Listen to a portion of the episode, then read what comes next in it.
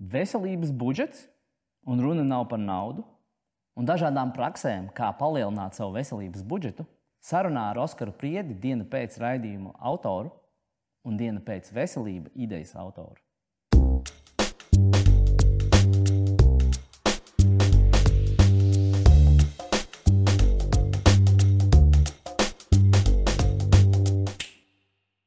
Oskar, tu esi komunikāciju speciālists, un, un diena pēc ir sākusi savu darbību kā podkāsts, kas runā par komunikāciju. Un komunikācija ir tik ļoti fundamentāla un būtiska, jo bez tās nevar. Tā kā cilvēks ir sociāla būtne, tad komunikācija ir visam centrā. Bet vēl viens temats, kurš ir faktiski visiem cilvēkiem centrā, tā ir veselība. Un tad man jautājums, kā tu kā komunikācijas cilvēks, kā, kā, nu, kādā veidā tu nonāci līdz idejai, ka vajadzētu taisīt sarunu bloku, sarunas atsevišķu podkāstu par veselību? Zini, kā, tu jau ieskicēji, ka tas katram cilvēkam ir svarīgi. Bieži vien cilvēks, kad viņam ir veselība, mums ir, esam runājuši par to, ka tev, ka tev tā ir, tev ir tūkstoši vēlēšanās, ka tev tās nav, tad tev ir tikai viena vēlēšanās. Ja?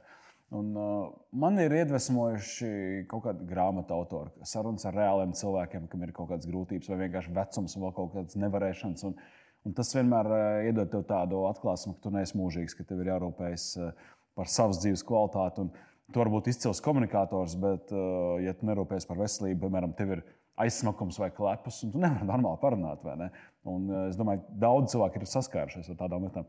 Un tad es vienkārši aizdomājos par to, ka mēs ar Kristapam, kad sākām dienu pēc raidījuma, mēs nu, izvirzījām to postulātu, ka Latvijā mēs komunicējam švaki. Mums kaut kas kā komunikācijas treneriem ir jādara, sabiedrība uh, uzlabotu, vai nu, tā, lai mēs pievērstu sabiedrības uzmanību. Un tad es sāku domāt, uh, kas vēl ir tie aktuāli temati, kur mēs caur savu platformu, jo mums uzauga kaut kāds noteikts nu, auditorijas apjoms, parādījās kaut kāda ietekme. Cilvēki kafejnīcā nāk klāt un saka, hei, es skatos jūsu raidījumu. Un atnāca tāda sajūta, ka tas ir reāli. Tas ir pa īstam cilvēkam. Protams, ka mums nav tur uh, daudz miljonu skatījumu, nekad nebūs, jo mēs esam pateikuši, mēs radām saturu latviešu. Un, tas ir, tas, bet šā vai tā ir kaut kāda cilvēka kopums, kurus varam, varam aizsniegt. Un tad šķita, kas ir vēl aktuāls lietas, un kas ir vēl eksperti un zinoši cilvēki, kas varētu šīs aktuālās lietas nest ārā. Un, un faktiski veselība bija tāds nu, pirmais, kas man ienāca prātā. Par ko runāt, jo man pašam arī ļoti interesē veselības temats. Man patīk justies labi. Nu, droši vien, ka jebkuram normālam cilvēkam patīk justies labi. Ja? Un, lai tu justos labi, tev ir ir zināms darbs jāiegūda, vai ir lietas, kam ir jāpievērš uzmanība. Un, ja es to zinu, tu to zini, e, tavi viesi to zina. E, un mēs varam e, multiplicēt, vienkārši pasēžot 20 minūtes šeit, un to noskatās 20,000. Tā ir milzīga ietekme, un tā ir forša ietekme. Tu esi, tu esi intervējis, jūs ar Kristapu esat intervējuši ļoti daudz dažādas uh, komunikāciju un dažādu jomu speciālistus. Bet viena daļa no cilvēkiem, kuri ir bijuši jums ciemos, ir arī ar, no veselības jomas, dažādi eksperti saistībā ar medicīnu, ar veselību, ar zinātnē un tam līdzīgi. Vai ir kaut kādas atziņas, jau, kuras tu vari teikt, kas tev jau radušās, intervējot šos cilvēkus, lai arī par komunikāciju un tomēr attiecībā uz veselību? Parasti man vispār ar jebkuru uh, līmeņa ekspertu runājot, uh, kad viņiem uzdod kaut kādus jautājumus, man patīk tādi jautājumi, apmēram, nu, kas ir tas ABC, kas cilvēkam parastiem ir jādara tajā un tajā jomā, lai viņš būtu tāds un tāds un tāds, jā, vai viņam tas mainītos dzīvē. Un man vienmēr tā atklāsme nāk, nu, jā, tās atbildes ir tik pašsaprotamas, tādas, ko mēs visi zinām. Un ar veselību man šķiet, ir līdzīgi. Visi zina, vajadzētu kustēties, nevajadzētu pārrīties, ja? nevajadzētu lietot alkoholu, pīpēt tā. Mēs to teorētiski zinām. Uh, Daudz arī praktiski to ievēro nu, ar kaut kādām deviācijām. Ja, no Un, un, un vienalga sabiedrības veselība ir tāda, kā tā ir. Vai jebkuru jomu paņem. Ja. Parasti cilvēks zina, kā. Un, un tas ir tas uh, fenomens, man šķiet. Tad, tad šī, šīs rubrikas mērķis uh, galvenokārt ir man, man šķiet, uzturēt visu laiku aktuālu to tematu par to, jā, kas ir veselība. Atbildot tieši uz to jautājumu, parasti ir tā sajūta, ka viņi atbild, man liekas, tāds, Jā, to es jau zināju. Nu, tomēr, tu kā gaidi no eksperta, ka viņš pateiks kaut kā tādu, tev atvērs tādu jaunu Pandoras lādi, kur nu tik būs kaut kas. Un... Nekā tur tāda nav. Parasti tās, tās ir tās. Nu, kā saka, viss ģeniālais ir vienkārši. Un kaut kā līdzīgs sajūta parasti pārņem. Par to darīšanu un zināšanu. Vai tu arī redzi, kur tie runātāji ir arī nedarītāji un otrādi? Nu, tas jau vienmēr paliek tādā nojautas līmenī. Tas ļoti personiski būt cilvēkam teikt, nu, ja viņš saka, vajadzētu darīt tā un tā A, tu pats dari to. Ja? Nu, okay. Nu, viņam nebruks tā virsū, visticamāk, bet reizēm ir tāda sajūta, nu, no serijas, tas varbūt skanēs cīniski, bet kas tu esi, lai tu par to runātu? Vai tu pats reāli to dari? Ja? Un, bet tas paliek bieži vien intuīcijas līmenī, kad mēs sajūtam ar nezinu, feromoniem vai kaut kādām kaulu smadzenēm, vai ko, ka, ka ir tas, nu, ka, ka tur ir segums aiz tā, ko viņš saka. Labi, tad pārfrāzējot jautājumu nedaudz, vai tu esi pamanījis, kas ļauj šiem cilvēkiem, kuri ir darītāji, un tas nav obligāti tavi intervējamie, bet, bet jebkurš, kas ir tas, kas ļauj vai liek kādam kaut ko darīt, un kas ir tie iemesli un šķēršļi, kāpēc kāds kaut ko nedara? Mm, pirmais, kas man nāk prātā, jo šis ir diezgan filozofisks jautājums, īstenībā tāds dziļš jautājums, bet pirmais, kas man nāk tādā varbūt virspusējā līmenī, prātā, ir pašcieņa. Jo, ja es zinu, ka vajadzētu, piemēram, vingrot katru dienu vai trīs reizes nedēļā, nu kāds, kāds ir tas mans, manas reliģijas uzstādījums, ja? Tad, tad, ja es to nedaru, kaut es zinu, zinu, ka man to vajadzētu sev labu, labu vēlo darīt, tad, tad es necienu sevi. Nu, tas tā var būt. Man, kas mani motivē un kas man dzēna uz priekšu kaut kādas lietas darīt, kuras esmu atzīts par labu esam un, esam un arī apņēmies darīt. Un tad tie, tie nedarītāji, tad tas jautājums, cik ir šī liela tā, tā pašcieņa un tāda. Jo tā ir tāda sevis mānīšana, man šķiet. Nu, jo nu, parasti tas saistās ar prokrastināciju, ka mēs atliekam. Nu, tad, kad būs nezinu, 1. janvāris, pabeigšu skolu, pabeigšu rakstīt šo darbu, nodošu līgumu, tad es tur gan sākšu kaut ko kustināt uh, savu pēcpusdienu, bet uh, nu, tā realitāte ir parasti cita. Kā tu saskati, cik liela vērtība ir šai darīšanai, vai noturēt sevi pie praksēm, par kurām mēs īstenībā runājam? Jo tas jau nav, ka tu vienreiz pacēlāji handelīti un tagad tev ir uh, muskuļi. Tas ir, ir katru dienu praksa, tāpēc tu aizņemties handeli uz divām dienām nevar īsti. Ja? Uh, cik lielu nozīmi tu saskati kaut kādam cilvēkam lielākam jautājumam, atbildēji uz jautājumu, kāpēc kaut kas būtu jādara? Respektīvi, vai, vai nav gluži gadījumā tā, ka šī nedarīšana un tikai zināšana nav uh, iztrūkta, ka tas iztrūk, parāda, ka cilvēkam trūkst atbildi uz jautājumu, kāpēc to vispār darīt. Nu, tas lielais, kāpēc, ja mēs tā nolaižamies līdz tādām triviālām lietām, kā piemēram, nu, ja mēs veselīgi tur uzturas kustība, kaut kādas domu kvalitātes, stresa menedžments, viss tas. Eh, tas lielais, kāpēc jau cilvēkam ir parasti skaidrs, eh, nu, tad, lai, es būtu, lai es justos labi, lai man būtu laba veselība, ilga dzīve un tā tālāk. Nu, ne, ir, ir kas teiks, nē, nē, labāk īsi, bet forši nodzīvot. Nu, tur ir, bet nu, parasti cilvēki tomēr domā līdzīgās kategorijās. Tas lielais, kāpēc man šķiet, ir, ir skaidrs, diezgan tie, tie mazākie kāpēc ir, ir mazliet tāds. Jā, Vai kaut kā tu vari apšaubīt, nu, vai tā hantelas cilāšana ir laba, un tad tu izlasi Facebookā kaut kādu virsrakstu, parasti rakstu jau neizlasi. Ja? Izlasi virsrakstu, ka kaut kāds tur, tur Stanfordā ir pateicis, ka nu, vispār jau tāda dzelža cilāšana nav pārāk laba. Kaut varbūt tas ir bijis kontekstā ar to, ka svaru zālēs nav labs skābekļa līmenis gaisā. Nu, piemēram, ja. un cilvēks paķer un viņam ierodas tas uz viņu kāpēc. Tāda kā balss, kas saka, īstenībā, ja nemaz nav tik labi tās hantelas cilāt, tu tā, o, oh, yes, forši var necilāt. Ja? Un tev, nu, vai arī tu izlasi, nu, patiesībā alkohols kaut kādās devās ir baigi ok. Un es arī sev tā saku, man garšo vīns un alus, un es to lietoju ik pa laikam. Uh, Un, bet, bet man šeit ir svarīgi sevi nemānīt. Un, ja tu kaut kādas lietas nolem darīt tajā lielajā līmenī, tad arī mazajā līmenī jāatrod tas, nu, ko tas man dos. Un, piemēram, ir bijuši kaut kādi literatūras avoti, kad es izlasu par noteiktu vingrinājumu, un autors nu, burtiski ar tādu milzu entuziasmu aizstāv šo konkrēto vingrinājumu, sakot, ka, ja tu to darīsi, tad tas efekts ir wow, tu pat neticēsi. Ja? Tu izlasi, tu nu, notici, pamēģini praksē, ikdienā ievies, un tā paskaties pēc laika, bet tiešām Ja? Un tad tas, uh, tu sāc ticēt, ka, hei, ja nu es darītu to, nezinu, zivēļu, omega 3 vēl kaut kas, ja? un ja nu tiešām būtu tā, ja nu, tu kādu laiku to dari, un tu sajūties labāk, nezinu, asāka doma, labāka miega kvalitāte, vēl kaut kas tāds, jā, bet varbūt tas bija toreiz tas lēmums. Un tad tie mazie kāpēc, man liekas, izveidot to lielo kāpēc, un tad ir vieglāk sev motivēt un darīt lietas. Cik lielu nozīmi tu piešķir um, sapru, saprast, tīri, tīri mentālā, kognitīvā līmenī, saprast, uh, kā visi šie procesi strādā. Nu, es tagad izstāstīšu vienu mazu piemēriņu ar, ar manu dēlu. Uh, mums pavisam nesen ir parādījies ģimenē suns. Un suns, protams, sev līdzi nes virkni pienākumu. Ne visi, reāls, jā, jā, ne visi vienmēr ir tie patīkamākie. jā. Jā, un viens no mūsu iekšējiem noteikumiem ir tāds, ka suns ir jāved laukā pat tad, ja sniega līst un ir ļoti pretīgs laiks. Jā. Un, un tagad uh, pienāk vakars, ir ārā tumšs jau, ir diezgan drēgns, nepatīkams laiks. Un, tagad, uh, un es zinu, ka mans dēls tagad attālinātā mācībās, viņš diezgan daudz laika pavadīs telpās. Es viņam tagad saku, ej, lūdzu, ārā, iz, izved suni. Viņš nē, es negribu. Viņam ir nu, tāds ļoti pikts, nīgrs, tāds nu, ļoti, ļoti nepatīkamā garstāvoklī. Ja? Un es saku, redzi, kādā tu esi garstāvoklī. Tagad tu iziesi, ienāks iekšā, un tev būs nomainījies garstāvoklis par 180 grādiem. Viņš ne, nebūs, nebūs. Un katru reizi šā notiek. Viņš ienāk iekšā un, pilnī, un viņš saka, tēti, tev bija taisnība. Viņš atzīst, pat viņš atzīst, tev tēti bija taisnība. Bet katru reizi ir no jauna šāds pats process. Ja? Uh, ko es gribēju ar to teikt, ir tas, ka zināt šo faktu, pat tad, kad tev ir depresīvs noskaņojums, zināt, ka izdarot vienu vai otru vai trešo lietu, tev nomainīsies garastāvoklis pēc pasūtījuma, ir ļoti liederīgi, lai tu neskatoties uz savu totālo negribēšanu, tomēr tik un tā to darītu. Kā tu varētu pakomentēt uh, zināšanu par procesiem vispār? Šis tāds ļoti, es pat nezinu, vai es esmu kompetents tur atbildēt.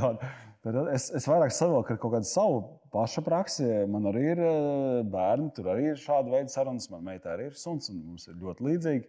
Kad uh, es mēģinu spiest uz empātiju, saku, bet tas suns arī nu, viņam ir sūdīgi. Visu dienu būt telpās, un tagad varbūt vajag iziet un tā un tā. Un, um, vai arī, kad es saku, hei, aizlaižam tur un tur. Ā, nē, saku, ko darīsi? Ā, nu, tur, tur. Un nosauc man kaut kādu lietu, saku, bet tu to darīji jau pēdējās astoņas dienas pēc kārtas. Saku, nomainām kaut ko jaunu. Tā. Un, tic man, būs forši. Ja? Un es redzu, ka iezogās tāda kā maza šauba, tāda kaut kāda gaismiņa tajās acīs, to var nosīt. Bet tas lielais tā kā, tā, tā rezistents vai pretošanās kaut kur. Nu, tas ir man šeit tāds um, sarežģīts jautājums. Ja? Un arī tu, nezinu, tu vakarā sēdi un ir kaut kāds foršs sarunas, nu, paņem savu vīnu glāzi. Nu, tu ielēji vīnu glāzi. Tu, tev liekas, ka tu esi uz drošās salas, tāpēc ka viena vīnu glāze vakarā, nu, vismaz pēc sevis, es zinu, ir veselīgi. Ka, Nē, tā es neteiktu. Tur es pēc sevis zinu, ka man nav nekāda otrā dienā. Es neko nejūtu, tur slikti ietekmi nekāda. Un uh, tu sēdi, tas sarunas tik foršs un, un saproti, ka daļai tas ir tāpēc, ka ir tas. Uh, Kā ir tas teiciens par alkoholu? Tas ir sociālais lubrikants. Ja, kas visu tur veicina, baigi foršs tās sarunas un tā un tā miedarbība. Un tu sev saki, uh, nu, ka paņems vēl vienu to vinglāzi. Un tad vēl vienu, tu beidzās tev tā pudele ir jau cauri. Un sanāk tā, es zinu, ka otrā dienā es slikti jutīšos. Un es saku, tā ir tā cena, kas man šodien ir jāmaksā. Uh, Protams, ka rīt būs jāmaksā. Tā kā šodien avansā paņemot to, to patīkamu mirkli. Tā kā jā, es arī zinu, un, uh, bet vienalga rīkojos uh, pretstatā tam, kā vajadzētu. Nu, tad, kur tad? Un tad tas stāsts ir racionālais prāts, emocionālais prāts. Uh, kaut kāds uh, baudu ķeršana, mirklī un maksāšana pēc tam. Man grūti pateikt, ka nu, tad, tava bērna gadījumā, es domāju, tur arī nu, tas, ka viņš pat ir atzinis iepriekš, viņš jau atcerās atmiņā. Bērniem parasti ir labi. Viņš saprot, okay, tētim droši vien ir taisnība, uh, bet, bet tas, tā šī brīža, emo, jo tā ir emocija, kas vada viņa lēmumu, nu, ka viņš negrib iet ārā un negrib darīt. Viņa vienkārši ir spēcīgāka un lielāka. Un varbūt tur bija mazliet mīnuszīme, tā situācija. Manā piemērā tur ir tāda liela pluszīme. Tā, tā emocija ir daudz lielāka. Uh, Un tā atliktā negatīvā emocija vai sliktā pašsajūta ir tāda šķiet, tajā brīdī daudz mazāk uh, svarīga. Uh, nu, bet veselības ziņā jau, um, kas man katrā ziņā kā komunikātoram tieši par veselības, jomā, uh, par veselības problēmām, jautājumiem, arī uzstājoties auditoriju priekšā, es, uh, lai, lai mani neuzskatītu par kaut kādu sludinātāju un, perfekcionistu un tādu, kurš ir uzskata, ka šādi ir pareizi un nekādā citā veidā nē, un viena vīna glāze arī ir uh, toksīni un tas, tas ir slikti. Uh, tad es, es īstenībā ļoti labi izmantoju šo tavu tevis pieminēto analoģiju par to, tu zini, cik tu, cik tu maksā par kaut ko, ka tu esi paņēmis avansā. Jo ļoti daudz cilvēku uzvedās tā, it kā viņiem būtu bezgala daudz, nu, teiksim tā, veselības budžetā runājot, ja, bezgalīgi daudz naudas kas tā nav. Viņi nemaz nezina, cik viņiem daudz naudas, bet viņi uz, uzvedās it kā būtu papilnam uh, veikalā, kurā nekam nav uzrakstīta cena. Beigās viņiem ir visiem produktiem ir kaut kāda cena, un viņiem ir ierobežots budžets. Un tad beigās mēs nonākam pie tās secinājuma, ja, ka 75 gadi ir dzīves ilgums, 55 ir, uh, gadi ir uh, veselības ilgums, ja, un tad 20 gadus pa vidu cilvēki dzīvo bez budžeta, faktiski, jo iztērēts viss budžets. Un šai ziņā šīs zināšanas nav par to, ka tu vari izdarīt vienu vai otru neveselīgu izvēli, bet tas ir vairāk par to, ka tu sāc iepazīties ar savu budžetu, sāc iepazīties ar to, cik kas ko maksā. Un šajā gadījumā tā filozofiskā pieeja ir tieši vairāk no tāda viedokļa, ka uzzināt, ko kādas lietas dara, pozitīvās un negatīvās, ir liederīgi, lai tad beigu beigās tu iegūtu to savu finanšu pratību veselības jomā. Ļoti interesanti analoģija jā, par to. Bet vienīgais tā, tāda maza nianses atšķirībā no īstas finanšu pasaules, vai grūti nomērīt, tā, ka tu esi tajā, teiksim, vēl tā pirms 55 gadu vecuma, ja tu esi tajā, piemēram, 40. Ja, tev ir nu, salīdzinoši labi, jā, tu nezini, cik tev tajā budžetā ir, tu tērē un tā tālāk. Un pat ja tu sāc saprast, kas ko kā, tu jau nevari noteikt to, to cenu. Mēs teiksim, ejam pa veikalu ar, ar meitām, un viņas nu, tagad jau mazliet vairāk pieradušas, bet ir kaut kāds brīdis, nu, tēti, vai var tur norādīt man uz kaut kādu vafeļu paku vai cepumu plauktu. Ja. Es saku, nevaru, tā ir rinda. Un bērnam mazliet tā seja pārvēršas. Nu, kā, nu, viņš jau saprot, ka nu, pārtiks veiklā diez vai tirgo burtiski indi. Viņš, nu, kāpēc indi? Es saku, apgriežam tagad otru pusi, izlasam, kas tur rakstīts nu, tā sīkā druka, es lasu, nu, tur aiz kviešu smiltiem cukuru parasti kaut kā trešā, ceturtā pozīcija. Viņi raksta pēc apjoma, jo vairāk uh, ingredienti ir proporcionāli, viņiem jāraksta pēc likuma, ir pirmajā pozīcijā. Tā, tā. Tad, tad, uh, tas, bieži vien tā vissliktākās komponentes ir visvairāk tajās, tajos nevislīgajos. Nu, pusfabrikātos vai kaut kādos tādos gatavos produktos. Un es teiktu, līdz tipiski man interesē ļoti arī taukvielas, ne tikai cukuri, kas ir skaidrs, ir slikti. Ja, bet, uh, Un es redzu, ka tur rakstīts margarīns. Es saku, nu, redz, margarīns, tā var vienkārši savā galvā ierakstīt uz visiem laikam, tā ir rinda. Ja, tas ir tas, ko tev noteikti nevajag ēst. Ja. Un mēs, eh, nu, es sanāku sev un arī saviem bērniem mēģinu pielipināt, es piešķiru šim konkrētam eh, nu, kā, kā mazajai lietai, produktam, kaut kādam eh, pārspīlēt lielu cenu. Principā, ja mēs varam arī sevi indēt, ir pat teorijas, kas saka, ik pa laikam patiesībā ir labi. Organismu stiprināšanai ieblēst kaut kādas snikers, vēl kaut ko, lai viņš pierod pie vis tā. Jautājums, cik bieži. Ja. Un, un, un es sanāku, tad tavā analoģijā runājot, lieku to cenu pārāk lielu, varbūt pārspīlēt lielu, ar domu, ka tas ir reāls atšakarē manu budžetu, ja es šo ikdienā patērēšu. Un, un, un tajā otrā pusē mēs tādā aktīvas, pasīvas, tādās finanšu analoģijās, tur ir tās labās lietas, ne, rudīšanās, kaut kādas fiziskā ietekme. Tur es mēdzu atkal teikt, ka nu, es tur reizē nedēļā ejot augstā ūdenī, nu, es tur vispār nemirstīgs palieku. Vispār. Man nekas vairs neņem. Neviens vīrus, neviena baktērija, nekas. Jā. Tāpat var, protams, augstēties un vēl kaut kas. Bet es saku sev, ka tur es to budžetu papildinu tā rīktīgi. Un, uh, man vispār tādā ziņā patīk pārspīlēts pieejas, melns vai balts, jo tad vienkāršāk izvēles izdarīt. Tu ej pa to veikalu, vienkārši skaties uz to plauktu, šis mani neņem, jo tur ir tie dārgie produkti, kurus nevar atļauties savā veselības budžetā. Nu, kaut kādā ziņā jau tas tomēr varbūt uzzīmē pārāk lielu cenu tam vienam Jā. produktam, bet, ja, tev, ja tu skaties, ka uh, tev ir 100 eiro un, un cena viņam ir 80, un tas nenozīmē, ka tu nevari atļauties. Tas tikai nozīmē, ka tu proporcionāli lielu budžeta daļu atstāsi uz vienu produktu. Un tas, tas nav nekas cits kā tieši tā lieta. Ja? Un, un, un tā. Bet tu sāki minēt, jau sāki runāt par augstumu un, un dažādām citām praksēm savā otrajā um, balansa grāmatvedības daļā. Jā. Jā, jā, jā, mēs tagad parunājām par tām lietām, kas maksā sliktajā ziņā. Tagad mēs parunāsim, kā nopelnīt. Jo pēc būtības šeit nav, tikai, ka mēs, uh, mēs vienkārši ieliekam otrajā pusē, bet mēs faktiski varam iegūt savu veselības budžetu klāt. Ja? Un, Un arī zinātnē mēs zinām ļoti daudzas lietas eh, veselības jomā, tieši, kas paildzina dzīvi, kas uzlabo konkrētus rādītājus, marķierus, eh, kur, uz kuru palīdzību ja, tagad ir diezgan moderni mērīt ja, dzīves ilgumu attiecībā uz šo konkrēto marķieri, uz to konkrēto pazīmi un parametru. Tāpēc mēs varam nopelnīt. Pastāsti, lūdzu, kā tu pelni sev veselības budžetu pamatlietas, neko ordināli nepateikšu. Seko līdz miegam, cenšos tiešām nu, nebojāt sevi un nebojāt savu nākamo dienu, ejot gulēt laicīgi. Es zinu, ka man reizēm par mani iesmēja, es saku, nu, no serijas, kāpēc tev bija izslēgts telefons, nevarēja sazvanīt pusdesmitos vakarā. Es tāpēc, ka aizgāju laicīgāk gulēt. Bet parasti es tik agri nē, tipiski tie ir 10 pus 11. 11, nu kā kur vakar, bet tiešām es mēģinu aiziet vakardienu gulēt, lai šodien pamostos, nevilkt pāri tur pusnaktī noteikti uzturs. Starp citu, ja jā. drīkst iestarpināt vienu par miegu tieši jautājumu, kas var palīdzēt dažiem kā tāds padoms. Kas bieži vien problēma cilvēkiem ar laicīgu aiziešanu gulēt, ir tāpēc, ka viņi to uzskata par dienas pēdējo aktivitāti, kuru var tur kaut kā nebūt. Bet, ja tu sāc uzskatīt, ka iešana gulēt ir tava dienas pirmā aktivitāte, jā tad tev mainās vispār cits uzskats, un tu nevari neko citu sākt darīt, iekams tu neizdari šo pirmo svarīgāko lietu, jā, izgulēties. Jā, vienkārši skatu punktu nomainīt. Vienkārši nomainīt skatu punktu. Mm. Jā. Nu jā, tad par uzturu noteikti man tas ļoti interesē. Es, bet, protams, arī nu, es atzīšos, man nepatīk īpaši gatavot, tad es cenšos vai nu sadarbībā ar savu otru pusīti kaut kā nu, no sevis. man lūdzu sarakstu, ko man no veikala atnest, no doma, ka nu, tu lūdzu uztaisīji. Ja. Un, bet nu, tāda kaut kāda dažādošana, protams, diezgan daudz augu valsts, kaut kāda dārziņa saknes. Tad uh, man ļoti, es esmu jūras vēlšu piekritējis, zivis. Un, uh, nu, es kaut kādā ar māti strīdējos, un strīdējos, par ēdieniem. Es teicu, es uz tām zivīm spiežu, un īpaši uz okeāna zivīm, nu, kas nav audzētas, audzētas.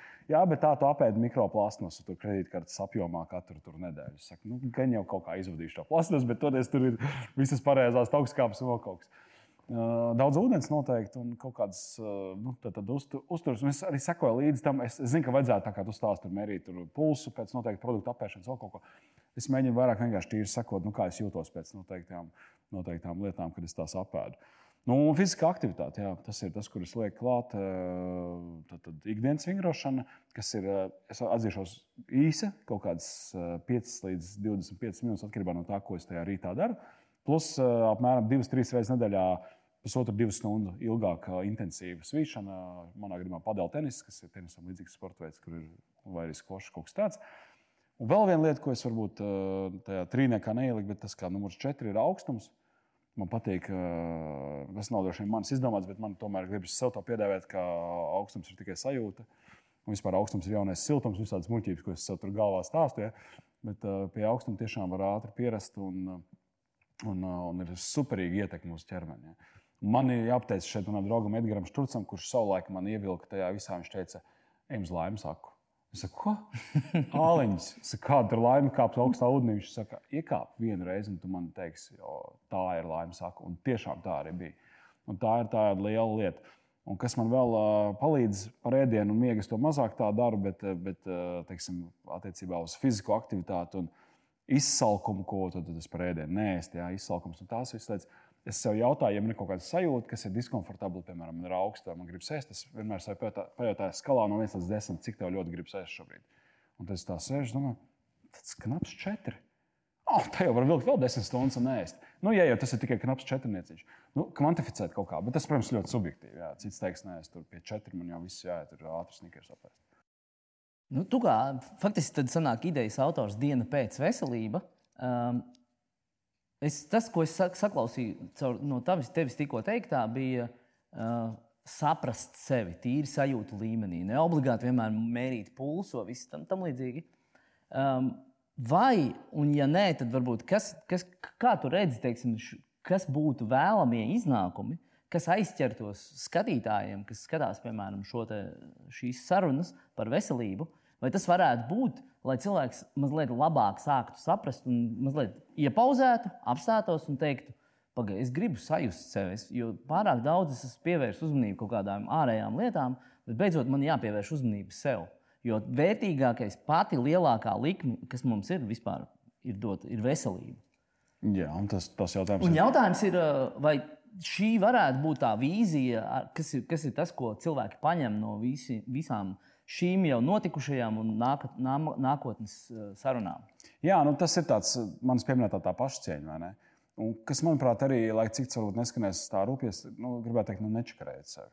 Nu, ja tu zini, nu, ka ir nu, kaut kāda, nu, ka nākamā nedēļa sākšu vai vēl tikai šodien tas, un, nu, man šķiet, ka tas nestrādā tā. Vienkārši nevajag sevi čakarēt un vienkārši godīgi sev pateikt. Un man ir draugi lokā, kas tā arī pateikuši, ka es nomiršu pie darba galda ar esmu lielu vēderu. Un, un visticamāk nodzīvošu daudz īsāk nekā es varētu. Nu, nu, nu, tā ir kaut kāda arī tā cilvēka izvēle, kurš vienkārši, nu, viņš vienkārši padodas. Bet vismaz viņš ir godīgs pret sevi.